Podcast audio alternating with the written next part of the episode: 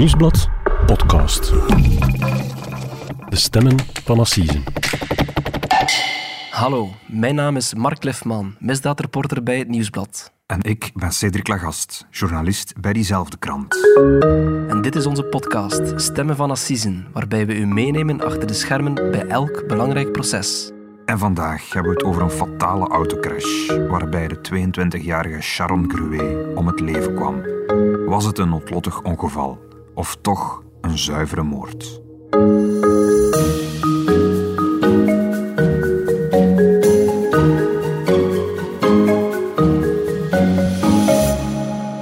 Dag Mark. Dag Cedric. Mark, welkom terug in onze studio. Dank u. We gaan het opnieuw hebben over een assiseproces dat deze week in Brugge start.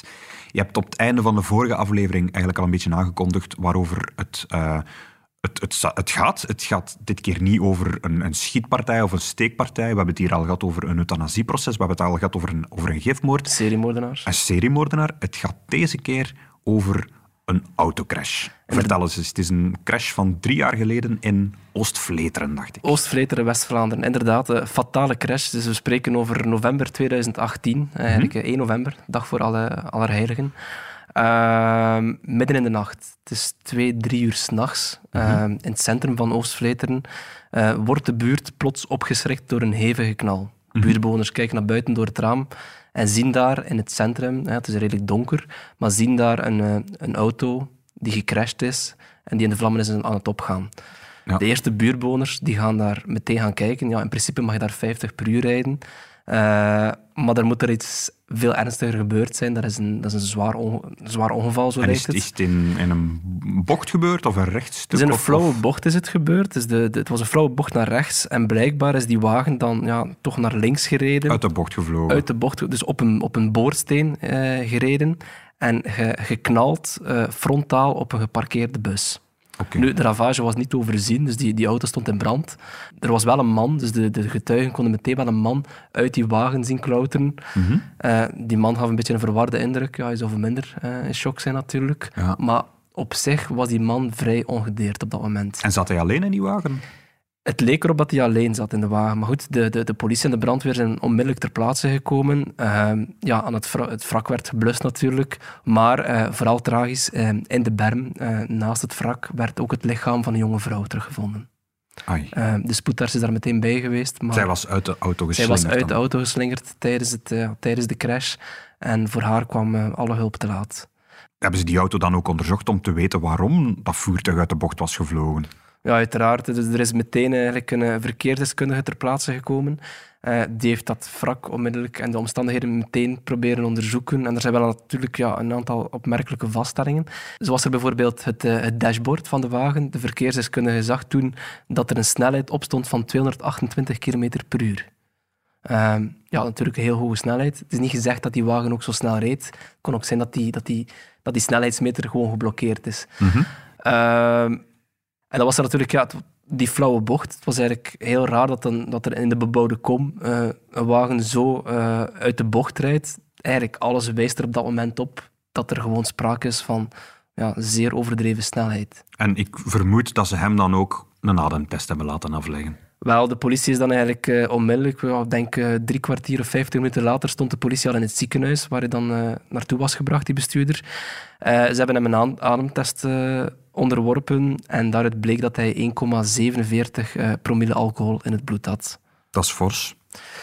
Ja, dat is duidelijk dat hij dus dronken was, dat er sprake is van overdreven snelheid. De bestuurder zelf is op dat moment ook beginnen verklaren aan de politie van ja, ik was op stap met mijn vriendin, we hadden een, een ruzie. Maar goed, het lijkt erop dat hij op dat moment niet besefte dat, uh, dat zijn vriendin dood was. Want de politie is naar het ziekenhuis geweest en ze zijn hem daar gaan ondervragen. En het is dan de politie die hem heeft moeten vertellen dat zijn vriendin het ongeval niet had overleefd. Inderdaad, dus de politie heeft toen een, ja, een slecht nieuwsmelding moeten doen, zo heet dat dan. Mm -hmm. uh, ze hebben hem verteld van, kijk, ja, je vriendin heeft de, de klap niet overleefd. En op dat moment is hij beginnen tieren en is hij, ja, heeft hij zijn hoofd tegen de muur beginnen bonken. En heeft hij dingen gezegd zoals van, ja, um, ik kan zelf niet meer verder leven, uh, wetende dat ik de schuldige ben uh, aan, aan, aan haar dood. Aan het ongeval. Aan het ongeval, ja.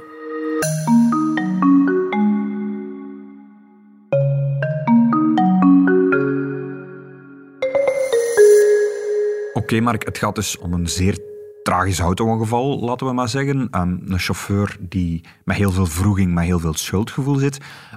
Maar wie is die vrouw die bij hem in de wagen zat? Wie is die vrouw die daar in de berm overleden is? Wel, zij wordt dus uh, geïdentificeerd als, uh, als Sharon Gruet. Dat is een, een, jonge vrouw van 22. Zij woonde in Boezingen, dat is eigenlijk een, ja, een dorpje in West-Vlaanderen, in, mm -hmm. in, de streek van Yper. Volgens familie en vrienden was het eigenlijk een heel sociale vrouw. Iemand die goed in de groep lag, uh, spontaan, altijd goed gezind. Ehm, iemand die volgens de familie dan eigenlijk echt vooruit wilde in het leven. Ze droomde van een huisje, tuintje, boompje, kinderen. Uh, en ze had dus een relatie met de bestuurder Davy Kesteman. Ja, Davy Kesteman, dat is de man die achter het stuur van die auto zat. Dat was dan eigenlijk haar, haar, haar, haar vriend.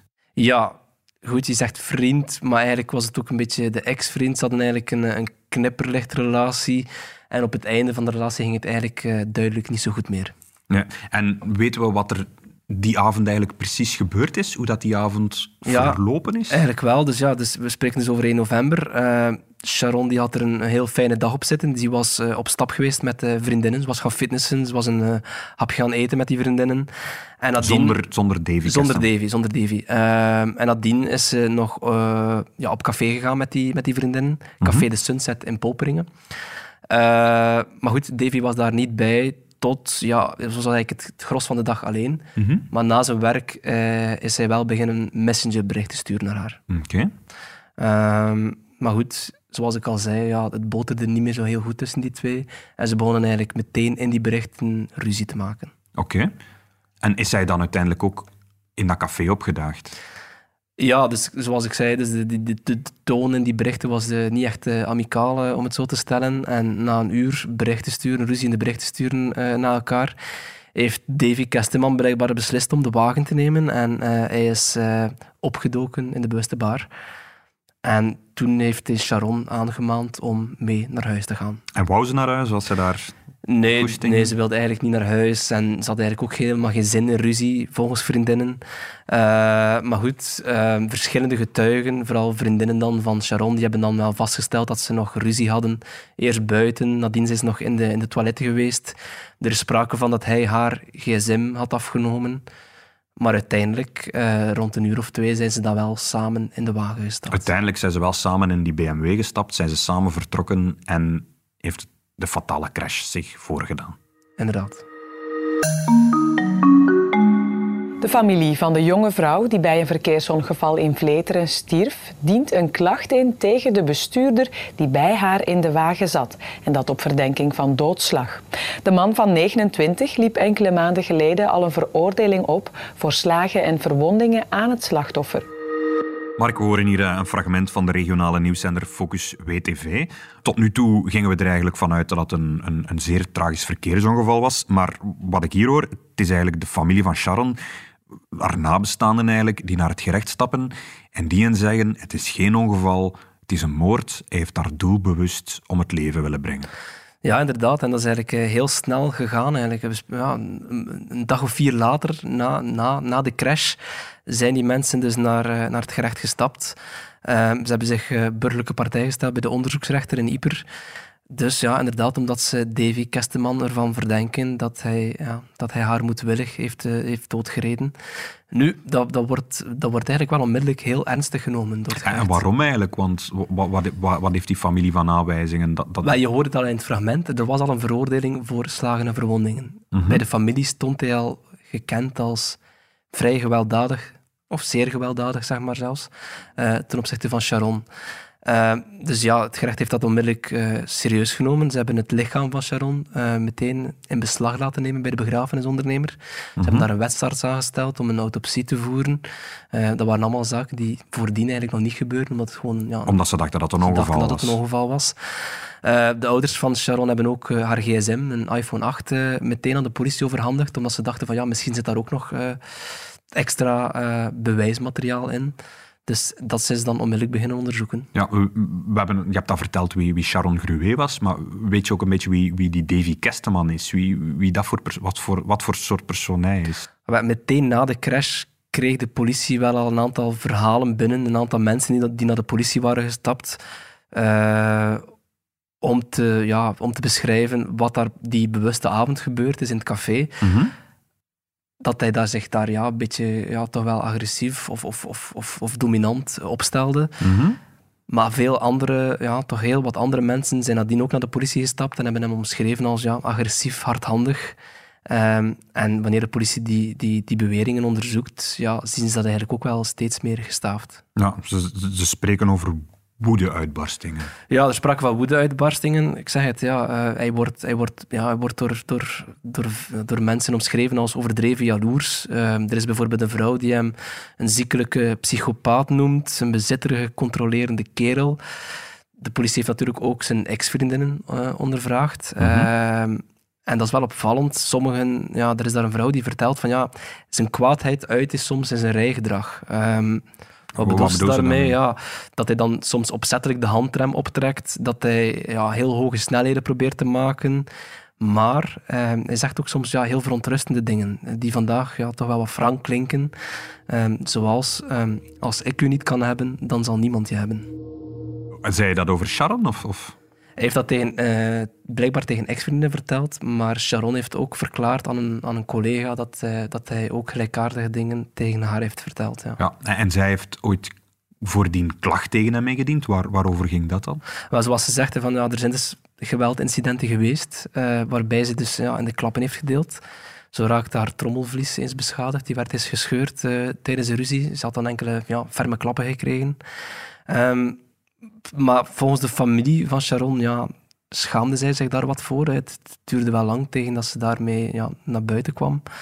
Ehm, haar papa heeft eigenlijk ook verklaard van ja, ik denk dat ze niet sterk genoeg was om die, om die relatie definitief te eindigen. Dus ze was gehecht aan hem. Ze had het moeilijk om die relatie te verbreken. Maar ze is op een bepaald moment wel naar de politie gestapt om een klacht tegen hem in te dienen. Ja, inderdaad. Ze is dus uiteindelijk wel naar de politie gestapt. Dus de politie heeft dat ook allemaal onderzocht dan. Ehm, en hij is in de zomer van 2018 is Davy Kesteman eh, door de rechtbank veroordeeld eh, tot zeven maanden voorwaardelijk voor op, opzettelijke slagen en verwondingen. Ehm bleek toch wel ernstig te zijn, want eh, Sharon die was ook een tijdje arbeidsongeschikt. eh. Maar, maar zelfs dan was de relatie niet voorbij. Zelfs dan zijn ze bij, eigenlijk bij elkaar gebleven. Nee, zoals ik al zei ja, eerder in de podcast, ja, ze, hadden een beetje een knipperlichtrelatie en dat bleef toch aanslepen. eh, ja. ik, ik krijg een heel slecht gevoel over die relatie. Ehm, ook over hem natuurlijk. Maar dat is nog altijd geen bewijs dat het geen ongeval was en dat hij moedwillig met die auto op die bus is ingereden. Nee, op zich is dat waar, maar naast het geweld zijn er wel nog een aantal zeer frappante eh, zaken die aan het licht zijn gekomen tijdens het onderzoek. Eh, bijvoorbeeld, eh, meteen na, na de crash gaf Davy Kesteman aan de politie aan dat, dat, dat zijn wagen een dashcam had. Mhm. Op zich zeer waardevol, kan je denken, want ja, als, als, als de dashcam alles gefilmd heeft, kunnen Ja. ze ook de precieze omstandigheden En dat kan ook in zijn voordeel pleiten. kan ook eens een voordeel, maar ook eens een nadeel. Maar, zeer opmerkelijk, de SD-kaart, dus de geheugenkaart van die dashcam, heeft de politie nooit meer aangetroffen. Ze hebben die op verschillende momenten zitten zoeken, overal, maar die is nooit meer aangetroffen. Daarnaast, je hebt ook de gsm van, van, eh, van Davy Kesteman. Mhm. Hij heeft die dan na, ja, nadien aan de politie overhandigd. Hè. Ze hebben daar natuurlijk ook verder onderzoek op willen doen. Ehm, maar die, die, die, die gsm stond op de, de status verloren, verloren modus. Wat wil dat zeggen? Dat wil dat zeggen ja, dat, hij, dat eigenlijk alles gewist wordt, dus dat je ook niet meer binnen kan met de, met de codes. Dat je terug naar Dat fabrieksinstellingen je ja, gaat. zeg maar, terug naar fabrieksinstellingen gaat. En ja, de politie heeft daar eigenlijk ook eh, niks meer op kunnen, eh, op kunnen terugvinden. Dus daar... Dus de politie kon eigenlijk niks meer aanvatten met die, met die gsm en met die dashcam. Nee, inderdaad. En dat maakt, dat, maakt hem natuurlijk, ja, dat maakt hem natuurlijk wel een beetje verdacht. Want ja, je kan je dat wel de vraag stellen, heeft hij dan bewust die, die, die, die, die gsm en die dashcam gemanipuleerd? Mhm. Want ja, zoals ze zegt, daar stond ja, een, mogelijk een enorme schat aan informatie op eh, voor de speuders. Ja. Maar goed, hij zelf zegt van niet. Eh, hij, hij houdt al drie jaar vol van, kijk, ja, de, de, de crash was, was alleen maar een noodlottig ongeval. Dus hij zegt eigenlijk dat, hij, dat, hij, dat het niet zijn bedoeling was om haar om het leven te brengen. Nee, inderdaad. Dus eh, over de klap zegt hij van ja, ik, ik herinner me daar niets meer van. Ehm, ik weet ook niet meer hoe snel ik toen reed. Eh, is het allemaal vergeten? Een soort ja, een blackout, zeg maar. En hoe snel reed hij dan? Hebben ze dat kunnen achterhalen? Wel, we spraken daarnet over die eh, 281 km per uur dat het, dat het dashboard gaf. Uiteindelijk hebben ze, hebben ze kunnen vaststellen, ehm, bij BMW in Duitsland Eh, hebben ze kunnen vaststellen dat de wagen uiteindelijk eh, 191 km per uur reed. Dat is nog altijd onvoorstelbaar snel Ja. voor een bebouwde kom. Bebouwde kom, 50 km per uur. Eh, eh, maar goed, hij, hij, hij, hij ontkent dus dat dat dus een, ja, een moedwillige actie was. Ja, dus Mark, om even samen te vatten, we zitten met een dodelijke crash van een koppel of een ex-koppel, eh, waarbij eigenlijk niet zo goed ging in de relatie, waarbij er ook sprake was van geweld en waarvan de familie nu zegt dat, dat Sharon met opzet is doodgereden. En zo komen we bij het assiseproces dat deze week in Brugge start.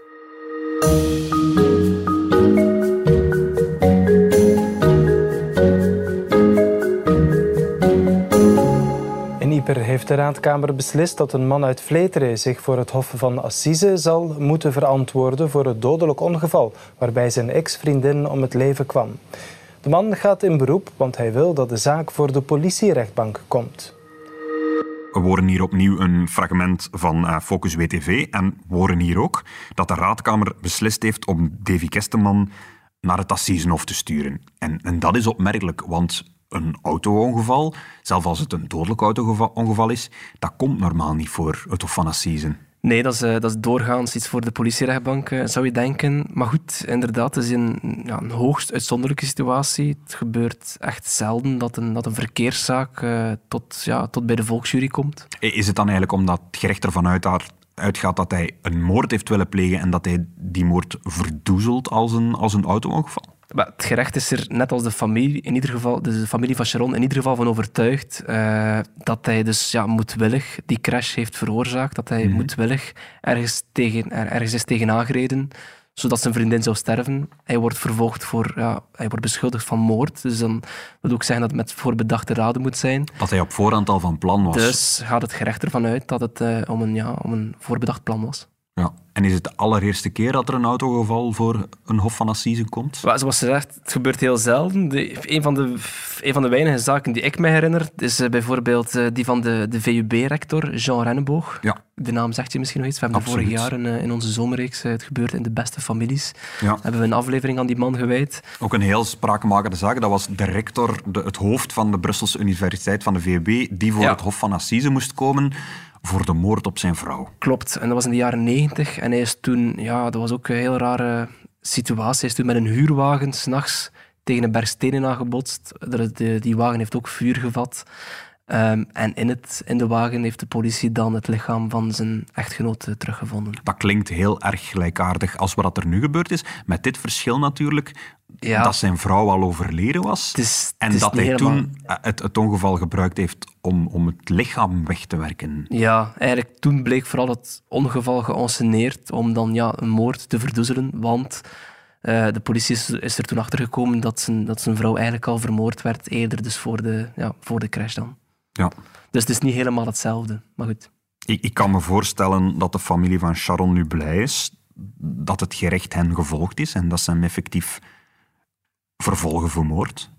Ja, absoluut. Dus, eh, dus de zaak is dan na de raadkamer ook nog eens naar de Kamer van een beschuldigingsstelling verhuisd. Dat is een andere zetel die dan het dossier nog eens goed moet bestuderen. Daar hebben ze ook geoordeeld van oké, de zaak moet voor het Hof van Assise komen. Ik sprak toen na die doorverwijzing eh, met eh, Nina van Eekhout voor de krant. Dat is de, de advocaat van de, van de familie van Sharon, een van de burgerlijke partijen. Ehm, en zij sprak toen letterlijk van ja, deze zaak is eigenlijk de chroniek van een aangekondigde moord. Ehm, ze zegt van ja, dat was eigenlijk een man, hè, die Davy Kesterman was iemand die niet kon leven met afwijzing. Ehm, ze sprak over het, ja, het ganse stalkersparcours dat hij had afgelegd. En zo zei ze van ja, in plaats van zijn vuisten te gebruiken, nam hij zijn favoriete speeltje, zijn BMW. Maar zelf ontkent hij. Zelf zegt hij, het was geen moord, het is een spijtig ongeval. Ja, Het was hij, hij, blijft eh, tot op vandaag zeggen van kijk, het was een ongeval en ik heb dit niet moedwillig veroorzaakt. En zijn er ook een aantal zaken die in zijn voordeel pleiten? Die, die... Er zijn wel een aantal zaken die zijn voordeel spelen. Ehm, denk maar aan de leugendetectortest. We hebben het hier ook wel vaak over die test gehad. Maar hij heeft die test, ehm, ja, hij heeft die test afgelegd, is daarop ingegaan. Ze hebben, hem dat gevraagd, van, wil, je- dat doen? Hij heeft daar geen probleem van gemaakt. En uit de test bleek dat hij geen leugenachtige eh, ja, reacties vertoonde. Dus hij sprak volgens de leugendetectortest Ja. dat wel de waarheid. Maar een leugendetector is niet onfeilbaar natuurlijk. Dat is niet onfeilbaar en eh, dat zal natuurlijk ook wel weer voer voor discussie zijn in de, in de rechtszaal. Ja. Daartegenover staat, ehm, ja, er is wel een psychiater die hem uh, uitvoerig uh, onderzocht heeft. Ehm, en die stelt in zijn conclusies dat, ja, dat Davy Kesteman een, een groot gevaar uh, is of kan zijn voor zijn toekomstige partners. de kans op ja, intrafamiliaal geweld of, of, ja, of belaging of agressie wordt bij hem wel vandaag nog steeds als ja, zeer hoog ingeschat. Wat ik me ook afvraag, als je aan 193 km per uur ergens tegenrijdt, dan, dan riskeer je toch ook dat je zelf om het leven komt? Uh, ja, um, inderdaad. Ik heb dat ook gevraagd aan zijn, zijn toenmalige raadsman uh, tijdens zijn doorverwijzing. Mm -hmm. um, en die zei me toen letterlijk van ja, kijk, eerst en vooral als mijn cliënt een moord wilde plegen, dan was hij wel tegen een huis gereden. Um, dat is uh, een opvallende uitspraak. Ja, ik, ik, denk dat hij ermee bedoelt van ja, zijn cliënt is, is, is tegen een boorsteen eerst gereden. Ja, waarom zou je dat dan doen als je iemand wil vermoorden of doodrijden? Dan, dan rij je wel gewoon frontaal tegen iets anders. Nu goed, dat zal uh, ongetwijfeld uh, voer voor discussie worden tijdens het proces. En dat zal ook uh, zeker tijdens de pleidooien stevig aan bod komen, denk ik. Want, want nu is het nog, ligt de vraag nog altijd open. Is het een moord en riskeert hij levenslang? Of was het toch een spijtig ongeval? Ja, en zijn toenmalige raadsman, hij is ondertussen opgevolgd, maar uh, zijn toenmalige raadsman die zei van ja, ik ben van plan om de, de kwalificatie onopzettelijke slagen en verwondingen met de dood tot gevolg te pleiten. En in dat geval wil dat zeggen, het was een ongeval? In dat geval, als de jury dat zou volgen, dan was het inderdaad een ongeval en dan riskeert hij ja, maar, maar vijf jaar cel, terwijl we weten, hè, voor moord riskeer je levenslang. En Davy Kesteman, die zit nu al drie jaar in de gevangenis. Nee, helemaal niet. Uh, dus hij, hij, is op een gegeven moment dan natuurlijk wel uh, opgepakt, voorgeleid bij de onderzoeksrechter. Hij is aangehouden, heeft een tijdje in de gevangenis gezeten. Uh, maar na, ik denk ja, een half jaar mocht hij de gevangenis verlaten. Hij is nog steeds aangehouden, formeel. Maar hij mocht toen met een, met een enkelband thuis zijn voorhechtenis verder uitzitten. Dus hij zal ook ja, min of meer als een vrij man deze week de assisenzaal binnenkomen. Maar vergis je niet, ja, hij zal natuurlijk wel uh, op de beschuldigde bank moeten plaatsnemen.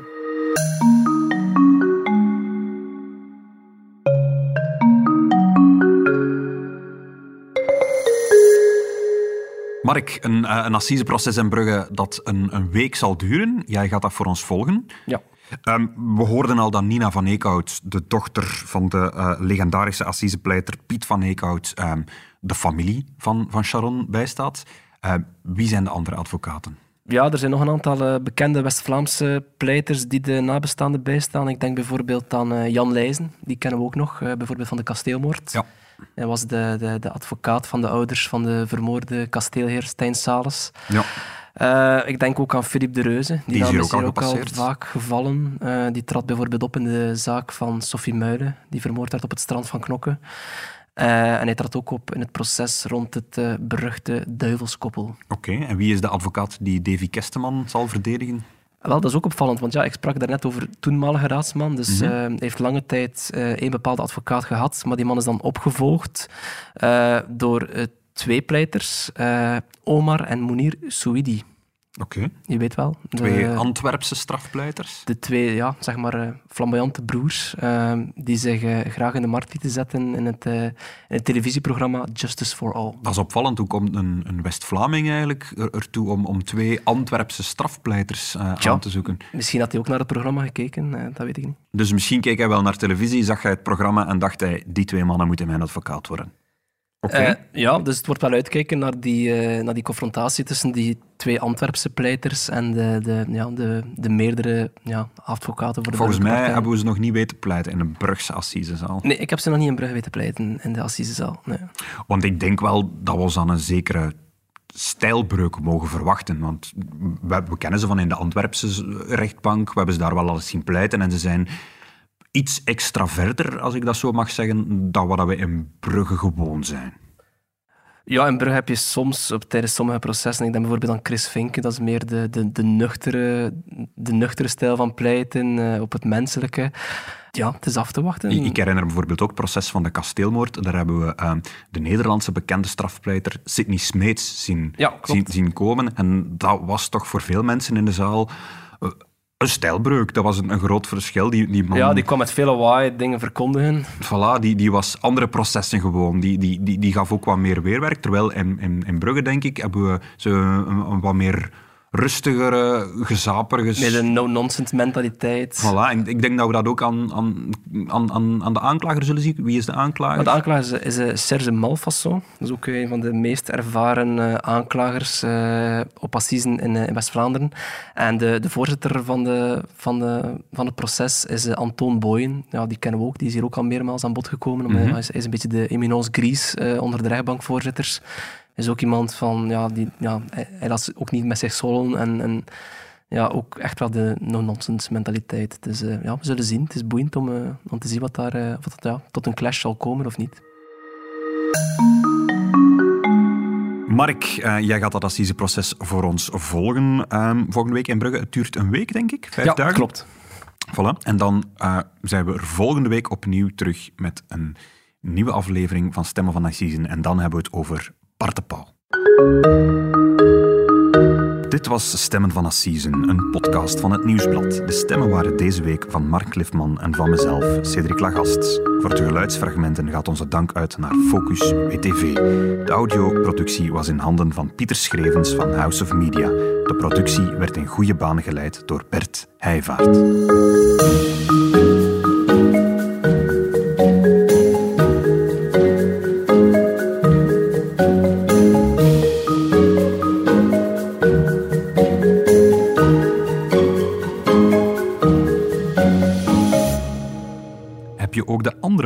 Van het Nieuwsblad al beluisterd. Op maandag is er Shotcast, onze voetbalpodcast. Op dinsdag hebben we de podcast Slimmer Leven, met tips over wat er echt toe doet in het leven. Op donderdag is er onze politiek podcast Het Punt van Van Impe, met onze hoofdredacteur Lisbeth Van Impe.